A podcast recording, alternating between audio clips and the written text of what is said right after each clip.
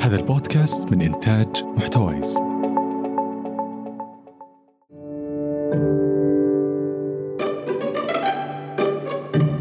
أهلا بكم مستمعينا وكمان المشاهدين. اليوم عندنا آه، آه، لقاء مميز في معرض الكتاب.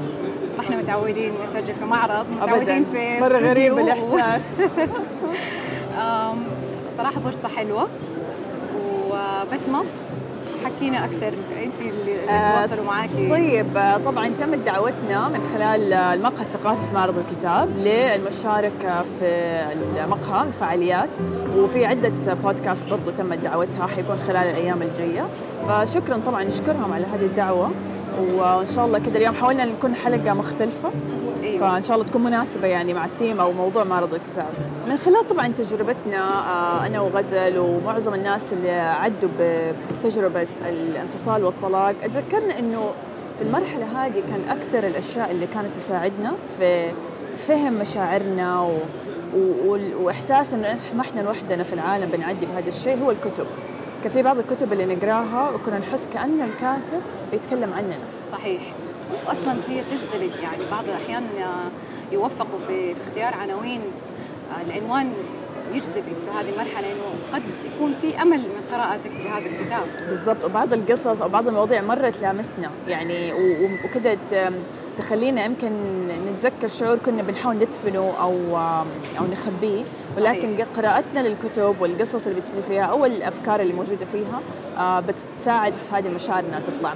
فاليوم قررنا ان إحنا آه، بمناسبة وجودنا في معرض الكتاب إنه إحنا نختار الكتب آه، طبعا هي ما هي الكتب الوحيدة ولكن هذه من مختاراتنا إحنا. إيش اللي ممكن تساعد آه، اللي بيعدوا بفتره الانفصال والطلاق وأولادهم كيف يتعاملوا معاها؟ وهي ما هي فقط كتب متعلقة بالطلاق ولكن أيضا بالتربية بالمشاعر بالجانب النفسي. فإن شاء الله الكتب يعني ما اعرف تعجبهم؟ إن شاء الله إن شاء الله نكون توفقنا في اختيار الكتب. مع يعني أحب أذكر إنه يوجد شح يعني عظيم صحيح في الكتب العربية وهذه المشكلة. من هذا النوع اللي هو ما أقول سيلف هيلب بس اللي يعني يعني تعبنا من التنظير تعبنا من الكتب اللي هي طبعا كتب المرجعية في الطلاق والزواج صح. مليانة آه بس مو هذا اللي نقصده نقصد الكتب اللي تخاطبنا كبشر اللي تخاطب المعاناة اللي إحنا بنعاني منها يعني اللي, اللي فعلا فيها بت- يعني بتحسسنا ما إحنا لوحدنا اللي إحنا عندنا ده الإحساس. تكون تطبيقية أكثر ما إنها تكون آه نظرية. نظرية صح. يعني معظم لما عملنا البحث آه، غزة تتذكري تعبنا لأنه معظم الكتاب الكتب العربية اللي موجوده يا بحوث آه، يا كلام نظري أو كلام سلبي جدا عن الطلاق. أيوه. آه، قليل لقينا الكتب اللي هي حقيقي آه، فيها ال- الشيء أو الفكرة اللي إحنا نبغاها. وبرضه كنا بنحاول نبعد عن الكتب المترجمة ولكن اضطرينا. لأنه للأسف الكتب باللغة الإنجليزية أكثر في هذا أيوة. المجال أيوه وإحنا هنا كمان يعني آه ننادي من من منصتنا المتواضعة آه بإنه لابد إنه يصير في حركة آه، تأليف صح آه، في في حركة ترجمة زي ما قلت يعني الكتب أيوة، الترجمة صحيح. مليانة بس نبغى حركة تأليف و- ويعني يناقشوا الموضوع ال- الانفصال أو الطلاق أو اي أي مرحلة انتقاليه في حياتنا يناقشوها بطريقة آه، تناسب مجتمعنا وتناسب آه، يعني يعني تمثلنا إحنا أيوه بطريقة عملية. تقدم حلول مو بس فعلاً. تقدم نظريات ومشاكل ودراما. أو أحكام. بالضبط. طيب تمام. فإحنا اخترنا لكم اليوم آه، ستة كتب معانا غزل آه، تقريبا سبعة. سبعة كتب. أوكي. طبعا آه، في كتب يعني متخصصة عن موضوع الطلاق والانفصال بشكل جدا يعني متخصص. في بعض الكتب زي ما قلنا ما هي علاقة ما هي فقط عن الطلاق والانفصال لكن تلامس بعض المشاعر إذا الكتاب الأول اللي معانا اليوم اسمه الدليل الإرشادي للوالدين للتعامل والحديث مع الأبناء عن الطلاق. طبعا كاتبة آه، الكتاب هي الأستاذة نوال الحيدري. الكتاب آه، دار النشر هي دار خيال ولكنها تباع في مكتبة جرير. فممكن إن شاء الله تلاقوه في معرض الكتاب. آه، الكتاب يعني بشكل ملخص آه، موجه لكل أب وأم يمرون بحالة الطلاق عشان يساعدهم ويعينهم على تجاوزها ولأنها فترة عصيبة. وتساعدهم برضو على تجاوزها بأقل ضرر ممكن. رسالة الكتاب هذه هي الأبناء أولاً. آه، تأكيد لأهمية تقديم مصلحة الأبناء وسلامتهم النفسية طبعا ومراعاة مشاعرهم في جميع تعاملات الوالدين قبل وأثناء وبعد الطلاق. والقاعدة اللي الكاتبة تقول إن هي بنت عليها الكتاب هذا هي آه، من طبعا آه، السنة النبوية وهي إن الرفق لا يكون في شيء إلا زانه ولا ينزع من شيء إلا شانه. فعجبني صراحة الأساس اللي هي وضعته. آه برضو آه طبعا من الكتاب الوالدين ممكن يحصلوا على بعض الفوائد زي مثلا تفهم مشاعر الأبناء تجاه الطلاق تعرف على أساليب الحوار مع الأبناء قبل وأثناء وبعد الطلاق تعرف على أساليب الحوار المختلفه مع الفئات العمرية للأبناء آه تعرف على أساليب عملية لتجنب الأبناء التعرض للخلافات الزوجية وكيف نبني علاقة سليمة بين الوالدين بعد الطلاق لطبعا محافظة على مصلحة الابناء صراحة الكتاب أنا ما قرأته غزل. آه ولكن ما شاء الله جانا تقريبا من كثير من الأخصائيين والناس اللي سألناهم عن آرائهم في كتب ساعدتهم في تخطي مرحلة الطلاق. كاتبة الكتاب زي ما قلنا الأستاذة نوال هي مدربة معتمدة وناشطة في مجال التوعية والإرشاد الأسري. وأنا تواصلت معها شخصيا على تويتر وبلغتها أنه إحنا حنعرض الكتاب. جدا كانت سعيدة ورحبت بالفكرة. واعتقد إنه الكتاب يعني اللي عجبني إنه هي تناولت جميع الجهات النفسي الاجتماعي وحتى الديني. فاستخدمت آيات استخدمت أحاديث. فأي نقطة كانت حابة هي تثبتها أو يعني تبرزها في الكتاب كانت بتدعمها بأحاديث أو بآيات قرآنية. وهذا الشيء كذا يعني مريح. يشعر الإنسان إن أي قرار بيتخذه مبني على أساس صح. إيوه ولا يتعارض مع مع ديننا ومع بالضبط.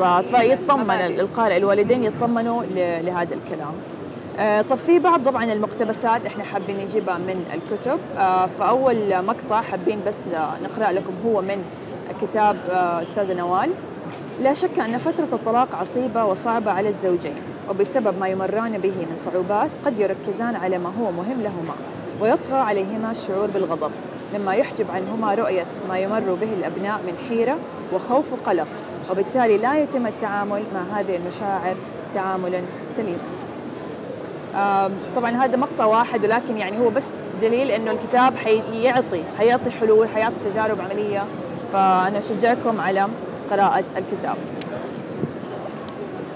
إيش الكتاب الثاني غزل؟ طيب الكتاب الثاني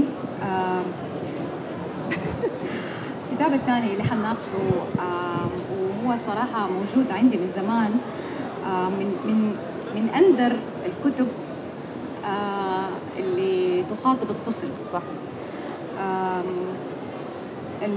الكتاب اسمه عندي بيتان الكاتبة هديل العباسي. دار النشر هي دار الملايين. إيش يتكلم الكتاب؟ الكتاب يحكي قصة لروزانا. وهي طفلة عانت من طلاق والديها. بتبين في مشاعرها عندها أخوان كيف إنها اعتنت أخوانها. كيف تلقت خبر طلاق والديها؟ كيف كيف واجهوها أمها وأبوها وكلموها؟ والمشاعر الطبيعية اللي أي طفل أهله بينفصلوا بيمر فيها. وينتهي طبعا الكتاب بقصة نجاح. يعني روزانا كملت حياتها ودرست و يعني نجحت وما شاء الله يعني حتى هي هي بيننا الآن هي قصة حقيقية زي ما قلنا. أيوه هذه حلاوة الكتاب إنه مبني على قصة حقيقية. فعلا. آه فجدا جدا ملهمة القصة. هي قصيرة جدا جدا ولغتها بسيطة. تنفع لمثلا طفل من أتوقع تسع سنين فما فما حتى أقل ترى. أقل؟ كمان أقل. يعني أظن كنت اقراها لولدي أظن إنه سبع سنين عمره. أوكي. إيه، لأنه اللغة بسيطة حقتها وحلوة. يعتمد طبعا على مستواهم في اللغة العربية. بالضبط. بس إنه حتى الأم والأب يقدروا يحكوها يعني لاولاد لأولادهم. طبعا راينا في القصة هي من زي ما قلنا من أفضل وأندر الكتب اللي بتخاطب الطفل اللي أهله بيمروا بمرحلة انفصال. لغتها سهلة مفهومة. وممكن الطفل يقرأها لحاله أو بوجود أمه وأبوه. وصراحة ننصح به جدا جدا لمكتبة أي أم وأب آه، عندهم حالة الانفصال في العائله آه صراحة أيوة أصل الكاتبة يعني هدية العباسي كاتبة جدا مميزة ولما عملت سلسلة كتب هذه دورت على قصص من الواقع وحاولت تلامس قضايا اجتماعية ومنها آه قضية الأطفال اللي بيعدوا أهلهم بالطلاق. من الاقتباسات آه، اللي وجدناها في الكتاب إلى أطفالي الأعزاء. إذا كان والدوكم مطلقين فأحب أن أقول لكم إن الله دائما معكم ويحبكم. وهو تعالى يعلم أن ما حدث بين والديكم هو الأفضل لكم ولهم. إن حياتكم أصعب من حياة أصحابكم ولكني متأكدة أنكم لستم السبب في انفصال والديكم. حاولوا أن تستمتعوا في كلا المنزلين فلكل منزل طابعه الخاص. جميل طيب نشوف الكتاب الثالث معانا. الكتاب الثالث صراحة أنا كتاب مرة متعلق في متعلق في نفسي. أنه كتاب صعب بس مرة حبيته. الكتاب اسمه طيب. السماح بالرحيل.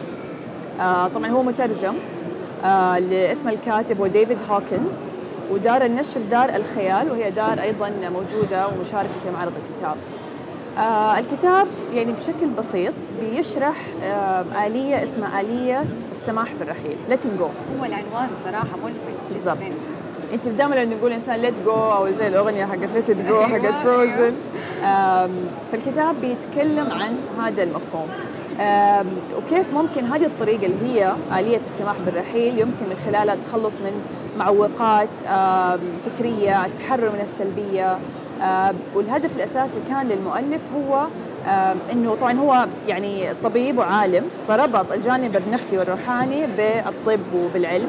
والكتاب بيوري كيف إنه عمل دراسات اكلينيكيه وبحثية كثير عن مستويات الطاقة آه، في الجسم عن علاقتها بالمشاعر.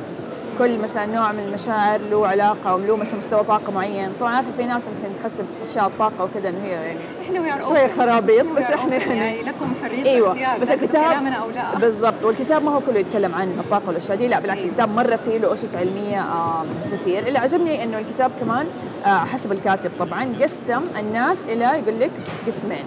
آه، قسم يتجاهل المشاعر ويكبتها لأنه يظن أنه لا حد ما في أحد يهتم بها مم. بمشاعره وجزء أو أو قسم ثاني يغرق في مشاعره ولا يتحرر منها ابدا بالرغم من مرور الأيام والسنين فيبقى اسيرا لها وأظن هذا الشيء إحنا دائما بنشوفه غزل عندنا إنه يعني أيوة. الناس مثلا بالذات اللي عدوا مرحلة طلاق أو مثلا أو انفصال أو الفقد يفضلوا يعني خلاص محبوسين في هذه المرحلة واحساسا بالمرارة والغضب وانه هو الضحية فهذه واحدة من الأشياء أعتقد اللي هي مرة مهمة وقليل الكتب اللي تتكلم عنها طبعا ال- الكتاب يتكلم عن كيف إنه آلية السماح بالرحيل هذه حتسمح إنه يكون في إحساس بالسلام الداخلي تقدر تخلص من الاكتئاب والأسى والخوف والرغبة والغضب يعني كل المشاعر السلبية اللي هي حسب الكاتب إنه هي بتنزل من مستوى الطاقة عند الإنسان فبتخليه عرضة للأمراض عرضة للفيروسات عرضة للالتهابات عمرض يعني عرضة للأمراض المزمنة. يعني. بالضبط. أيوة. كل ما كان عندك مشاعر سلبية أكثر كل ما مناعتك حتضعف. الكتاب طبعا هو كبير صراحة و it's not easy read يعني ما هو كتاب كده سهل تقريه وأنت مرتاح مرة يبغى له تركيز شوية. آم، بس أنا أشوف إنه هو يعني دليل نفسي وطبعا إرشادي أكثر شيء جدا مهم بالذات للناس اللي يحبوا المجال النفسي والإرشادي. وكذا في كذا فكرة قريتها في الكتاب كذا حسيت في لمبة كذا ولعت فوق راسي. أها مومنت أيوه. فهذا كمان اللي عجبني آه، في الكتاب. آه، أنا شخصيا ساعدني اني أنا أتقبل مشاعر الغضب اللي عندي تجاه بعض الأشخاص في حياتي وكيف أقدر أتخلى عنها. آه، وسبحان الله في إحساس غريب بعدها يجي بالراحة وفي طاقة. ما جربت ده الإحساس قبل؟ كذا والله ما جربته أنا حجرب جربيه كمان بعد ال- الكتاب. المستمعين أو الحضور إذا جربوا يحكونا تجربتهم. آه طيب حاعطيكم بس مقتبس أو يعني مقطع عجبني من الكتاب. آه الكاتب يقول لماذا التعلق يبعد عنا رغباتنا؟ التعلق يكون سجنا لما نتعلق به. الأشخاص الذين نتعلق بهم يحسون ذلك ولأنهم يحبون أن يكونوا أحرارا يهربوا منا الرغبة الشديدة مثل التعطش كثيرا كثيرا ما تمنعنا من الحصول على ما نريد. هذه بس فقط واحدة من المقتبسات ولكن الكتاب صراحة فيه أفكار مرة كثير آه فأشجعكم على إن شاء الله قراءتها.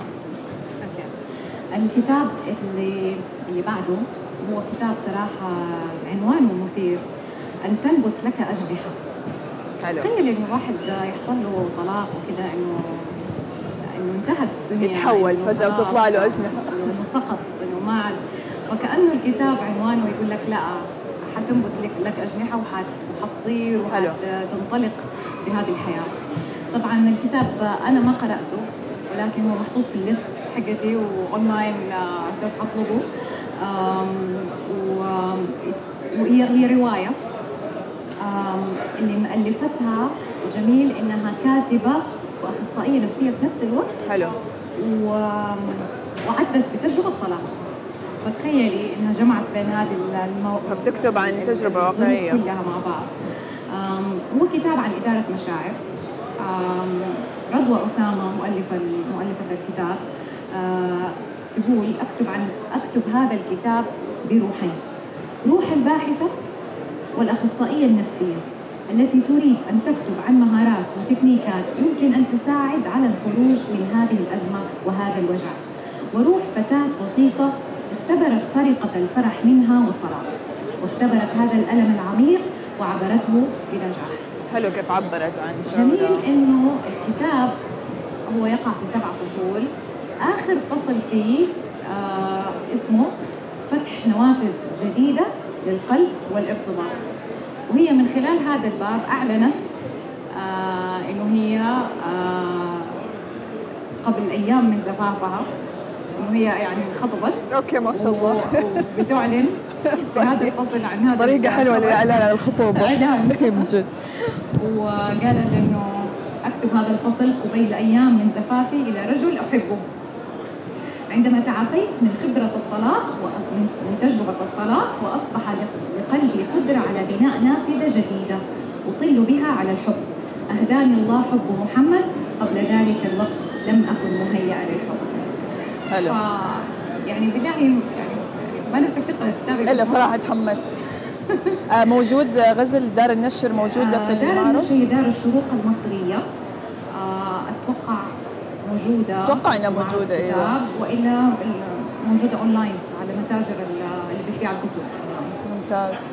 حلو. فهذا هذا كل اللي عندي عن ذا الكتاب لأنه ما ما قرأته. نقرا إن شاء الله نقرا بإذن الله. وأعتقد كمان ترى إنه في ترى في كل مرحلة لو لاحظتي بعد الطلاق في كتاب تحتاجيه. أو في. سبحان الله تلاقي كتاب عندك قاعد في المكتبة صار يمكن سنين ولا شهور. وسبحان الله ربنا كده يلهمك إنك تقرأيه في الوقت اللي حقيقي تحتاجي فيه الكلام اللي تسمعيه من هذا الكتاب. فانا أحس سبحان الله الكتب كده يعني بال... بالإيحاء تجي أو بال... بالوحي. قراءتها اختيارها يعني. طبعاً، بالضبط؟ طيب آه الكتاب اللي معانا بعد كده آه كتاب أيضا مترجم آم اسمه تستطيع شفاء قلبك can heal your heart. آه الكاتبة هي لويس هي ودار النشر آم أتوقع إن هي برضو دار آه خيال إذا ماني غلطانة. وبس برضو موجود آه في مكتبة جرير هنا في معرض الكتاب. آه طبعا ال- الكتاب آم يتكلم عن إنه كيف نحزن. والحزن مو بس فقط المقصود به هنا اللي هو بعد الطلاق والانفصال أي حزن بنواجهه في حياتنا. بعد الموت بعد الفقد بعد صدمة كبيرة. أم، وكيف إنه ممكن الفقد هذا يعلمنا الحب ويعلمنا أكثر التفاهم ومعنى الحياة. وهدفنا هو أو هدف كانت الكاتبة إنه هي آه الإنسان لما يشعر بالحزن يشعر به على الوجه الكامل أو بالشكل الكامل وما يحاول يكبته أو يكتمه أو ما يعني يشعر به بشكل كامل لأنه في الآخر حيجي طبعا ويأذي الشخص إذا إذا ما عبر عن حزنه. بالشكل الصحي. فعلى كلام الكاتبة تقول أنه الكتاب يركز على ثلاث مجالات رئيسية. أولا هي مساعدتك في الشعور بمشاعرك. كثير مننا زي ما قلنا يعني ما نحب نشعر بمشاعرنا بشكل كامل نحب نخفيها أو ما نعترف فيها. آه كمان نبش الجراح القديمة في محاولة علاجها. وهذا الشيء برضو بيصير كثير للناس اللي تعرضوا لصدمة أو حتى تج- تجربة الطلاق إنه يصير في جرح ونقول لا تفتح الجرح. ويحسبوا الجرح ده خلاص اتشافى لأنه آم، بطل يوجعهم. ولكن في الحقيقة ما يكون اتشافى يكون فقط هدى. ولكن ممكن أي محفز أو أي موقف ثاني في الحياة آه، يرجع يفتحه مرة ثانية والجانب الثالث أو الموضوع الثالث هو تغيير التفكير المشوه عن العلاقات. وخاصه أنت عارفه الناس يمكن بعد تجربة الطلاق والانفصال أو حتى الفقد الموت. إذا مثلا موت أحد الزوجين بيصير في خلاص كره للعلاقات أو تقول لا خلاص أنا كفاية أو ما أبغى أيوة، أدخل في تجربة ثانية مرة يعني في تجربة زي هذه مرة ثانية فالكتاب برضو بي يعني يتناول هذا الجانب. طبعا بتتكلم هي عن الافرميشنز أو التوكيدات اللي هي زي الجمل البسيطة والكلام اللي إحنا لازم نقوله لنفسنا عشان نرفع من معنوياتنا ونحسن من أفكارنا بدل ما تكون سلبية تكون إيجابية. بالضبط. يعني ما, ما هي مجرد أفكار ولكن تصير معتقدات. بالضبط. وتنعكس على سلوكنا وعلى حياتنا. وأيضا برضو آه بتتكلم عن موضوع كيف إنه الفقد ممكن يكون في هدايا. وإحنا تكلمنا تتذكري غزل؟ مرة حلو زي ما تكلمت. بالضبط. عن مع رفاه سحاب عن في حلقة الفقد آه كيف إنه هدايا الفقد. أيوة. آه فسبحان الله بيكون في حكمة من الفقد اللي بيصير. وعشان كذا الكتاب يمكن بيساعدنا آه نعرف هذه الهدية. طبعا بشكل شخصي أنا أحب لويس هي وأنا من يعني معجبينها ولكن مو كل الناس طبعا يتفقوا معايا بس هذا رأيي الشخصي. آه أنا أنا شخصيا أؤمن إنه كل الأمراض الجسمية والعقلية لها أساس من المشاعر. آه وهي عبارة عن آه طاقة سلبية جمعت في جسمنا ما طلعت بالشكل الصحيح فطلعت بشكل مرض أو آه مشكلة عقلية أو جسمية. بس الحلو إنه هي يعني بتعطي يعني الكتاب يعطي أمل يعطي فرصة وحلو كمان إنه في له قصص قصص مرة كثير واقعية عن ناس آه، طلقوا أو ما يعني مثلا توفى أحد من آه، الطرفين أو يعني قصص مختلفة وبت يعني بتخلي تحس الناس المهمه اللي عدوا بهذه التجربة لوحدهم. آخر شيء بس في اقتباس حابة أشارككم فيه آه، من الكتاب تقول الكاتبة في الحزن من الصعب أن تتخيل أن كل ما هو خير يمكن أن ينتج عن الفقد. من المهم عندما تقوم بمواساة شخص حزين أن لا تحاول أن تشير له إلى الجانب المشرق في فقده. عندما تخسر شخصا تحبه كثيرا لن يكون هناك جانب مشرق تجده. إن تقبل الخسارة مع مرور الوقت قد يجعلك تجد معنى عميق وغالبا ما يدعى هذا المعنى بالمرحلة السادسة. عندما نرجع إلى مراحل الحزن الخمسة والتي كانت من باب التذكرة اللي هي الإنكار والغضب المساومة الإكتئاب والقبول يمكن لهذه المراحل أن تأخذ عدة أشكال ولكن في مضمونها ما هي إلا تأكيد في ذاتها. طيب آه ننتقل الحين للكتاب الخامس.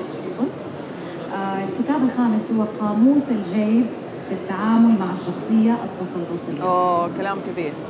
مؤلفة الكتاب آه هي الأستاذة عبير قاري آه حاولنا أنا شخصيا حاولت أتواصل معاها ما أعرف إذا هي حتسمعنا. يمكن. إذا حتسمعنا أتمنى أنها تتواصل ترجع تتواصل معنا حاولت أتواصل معاها عشان أفهم منها أكثر إيش ألهمها لتأليف هذا الكتاب. لأنه حقيقي بس ما أنا يعني صدفة لقيته يعني في في المكتبة.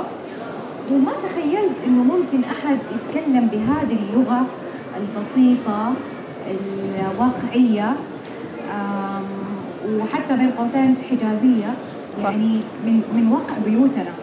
آه، في جمل معينة بتقولها إنه كيف كيف هي لما تقال كيف أحيانا يقصد بها آه، نوع من أنواع التسلط. صح. نحن ما إحنا حاسين. آه، بعض التصرفات حلو إنه أنت تسمعي هذه الأمثال أو هذه الأمثلة من واقع حقيقة يعني ما في أحد فينا إلا وسمع. أو في حوالينه يعني شخصية تسلطية. في شخصيه ومو عارف يتعامل معاها. يا إنه إحنا ما إحنا مدركين إنهم موجودين أو إنه نحن قد نكون شخصية تسلطية وما إحنا دارين.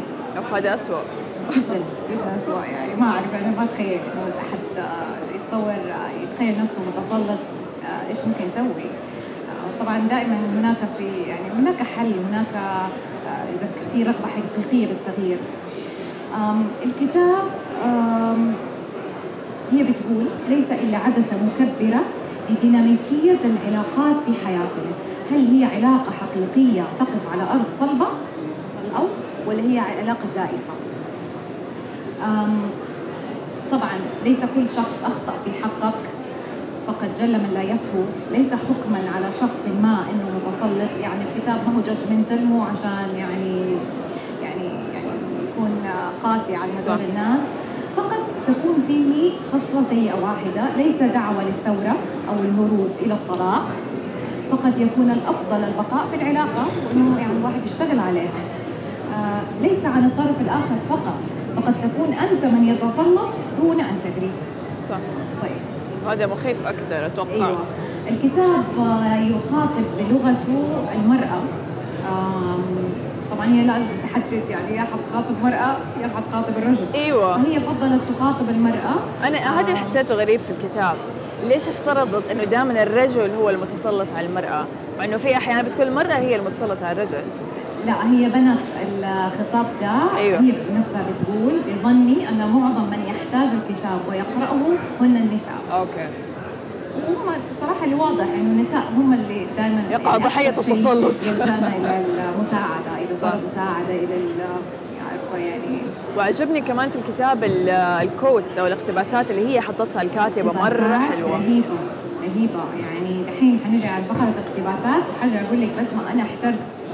ماني عارفة آخذ إيش ولا إيش. كل كلمة يعني كل ال- ال boxes هي حطاها كده في في إطارات أيوة. معينة آه كلها يعني رائعة واختارتها اختيار آه، شيء من من الغرب شيء من ديننا صح. شيء آية قرآنية حلو. وشيء حديث شيء وأمثلة من واقعنا فرائعة صراحة الكتاب مهما قلت يعني طبعا هنا بعبر عن رأيي الشخصي الكتاب من أروع ما كتب آه، في الشخصية التسلطية لأنه خلف الشخصية التسلطية هذه خلق من الأخلاق اللي هو الكبر.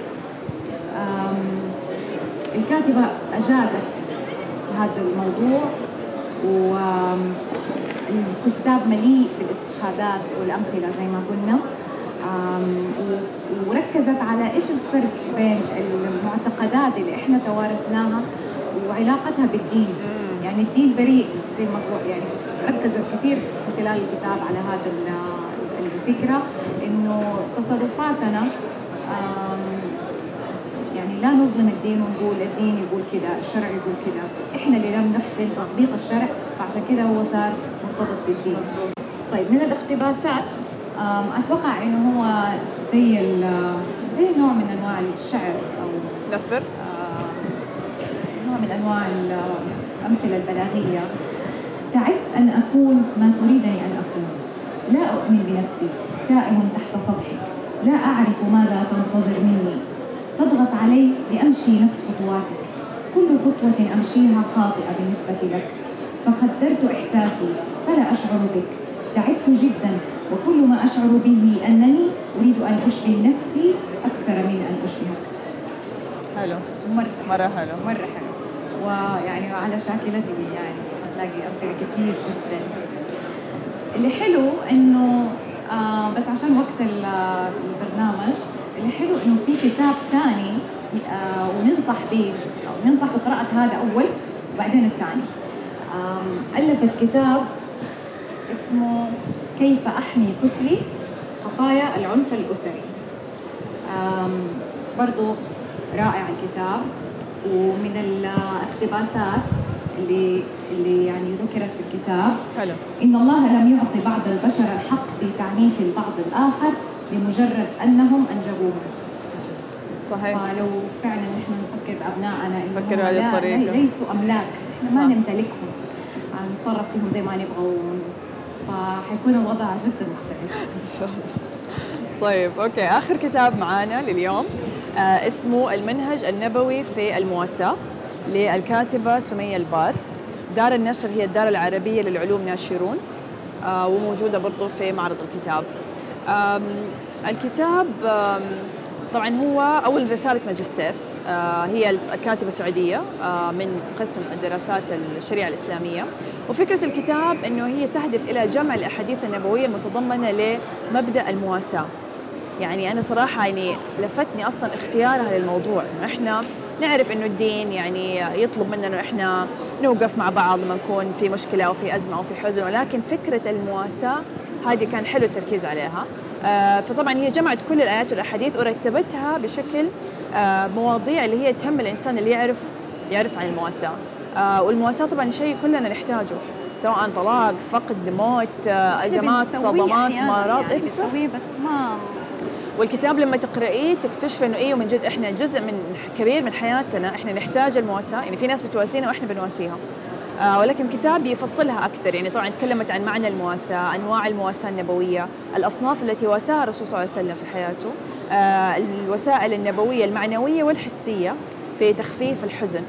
آه يعني تكلمت عن كل شيء حتى إيش الأكل اللي لازم الواحد ياكله طبعا كله مدعم اي مدعم بالأحاديث سبحان الله وال وال والقصص من السيرة النبوية.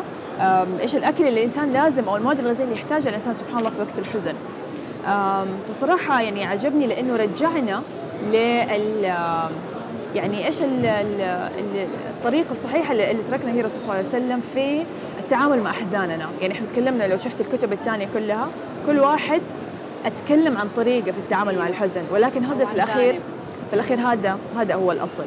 آه وطبعا كنت حسيت الكتاب يطبطب على القلب ما أدري كنت حسيت بالأمان وأنا بقراه مرة. آه لأنه عرفت إنه سبحان الله مهما الإنسان شاعر بالحزن أو الوحدة إنه في الآخر ربنا معاه. ولو بس الإنسان كده يرجع شوية لنفسه ويرجع لديننا حيكتشف إنه إحنا عندنا كل الطرق والوسائل اللي إحنا يعني نحتاجها. ولكن إحنا أحيانا بنغفل عنها أو أو بننساها. آه، أعطيك من الاقتباسات طبعا. آه، تقول الكاتبة من ثمار المواساة في الدنيا على المواسي أولا حصول المحبة من الله سبحانه وتعالى فمحبة الله هي الشرف الأعظم وهي الفوز الأكبر وقد بشر النبي صلى الله عليه وسلم المواسي بالحصول عليها. ثم ذكرت حديث أن الرسول صلى الله عليه وسلم آه، جاء عليه رجل وسأله من أحب أحب أي الناس أحبوا إلى الله؟ فطبعا في ما معنى الحديث أنه قالوا أن تفرج عن عن أخوك. كربة. فهذا الشيء اللي إحنا بننسى صراحة إيوه. ونستهون بدون ما نشوف مثلا أحد قريب مننا في العيلة أو أحد من أولادنا أو أو أو أصدقائنا زعلانين نروح نطبطب عليه. بنستقل في هذا الشيء. لكن طلع أجره مرة كبير وتأثيره كبير يعني على الشخص وعلى أكيد طبعا المجتمع آه بشكل عام. طيب أظن كذا. كذا نكون آه وصلنا لآخر فقرة. أو مش آخر فقرة آخر البودكاست. و طبعا نشكر غزة الحقيقي كل الكاتبات. إحنا يعني ما بشكل طلعوا ترى معظمهم سعوديات. يعني من غير ما نقصد ترى ما عدا الاثنين المترجمين. أيوة أيوة. وأظن كتاب أن تنبت لك أجنحة مو صح؟ مو متأكدة ممكن أيوة. يكون من مصر. يعني بالصدفة برضو ولكن كانت صدفة حلوة. آه وهذا أعتقد يعني يورينا إنه الكتب اللي إحنا أكثر شيء لامستنا هي الكتب المكتوبة من واقعنا. من من من بنات بلدنا اللي هم عارفين وفاهمين كيف الوضع سواء في الطلاق أو الوالدين أو التعامل مع الأبناء أو غيره. فحقيقي أحييهم إن هم ساهموا في زيادة الإنتاج هذا في الكتب العربية. فعلا ونرجع نأكد إنه إحنا بحاجة إلى يعني حركه حركة بقول حركة لأنه نحتاج نحط جهود في هذا الموضوع. بالضبط. حركة تأليف كتب يعني من هذا النوع آه، باللغة العربية. كفاية كفاية ترجمة. مهما كان مهما كان قرأت كتاب مترجم ما حتكون نفس البيئة ولا نفس مش, مش زي شوفي هذه الكتب اللي إحنا اخترناها يعني قديش كان تأثيرها. صحيح. طبعا نشكر الجهات اللي بتدعم هذا الإنتاج ومنها طبعا لازم أذكر جمعية مودة الخيرية آه، للحد من آثار الطلاق اللي هي موقعها أو مقرها الرئيسي في الرياض اللي هي يعني أنتجت كتاب آه، أستاذة نوال اللي هو الدليل الشادي للوالدين هم لهم جهود صراحة كبيرة صراحة أنتجوا أكثر من كتاب إحنا اليوم ما قدرنا للأسف نعرضهم كلهم هذا واحد منهم وعرضنا واحد سابق اللي هو الاستاذ روان قناص أيوة. اللي هو موجه للمراهقين فحقيقي نشكر جمعية المودة وجميع الجهات القائمة إن هي تبرز وتتكلم أكثر عن هذا الموضوع ومثل هذه القضايا الاجتماعية. نبغاكم تشاركونا إيش الكتب اللي قرأتوها في مرحلة الانفصال والطلاق اللي ساعدتكم أكثر شيء ممكن على ال social media على الإنستغرام وعلى تويتر. وأكيد طبعا حنحط نبذة عن كل كتاب آه، في بوست آه، حيكون حينزل بعد الحلقة عن كل كتاب من هذه الكتب اللي ناقشناها. إن شاء الله. ونشكر جميع المستمعين شكرا لكم الحاضرين آه ونشكر معرض الكتاب أكيد نشكر معرض الكتاب ومقهى الثقافي على المقهى الثقافي آه على هذه الفرصة الجميلة إذا حبيتوا تتواصلوا معنا إحنا موجودين على كل وسائل التواصل الاجتماعي أو ممكن مراسلتنا على الإيميل اقلب دوت الصفحة at gmail دوت كوم كان معاكم غزل. وبسمة.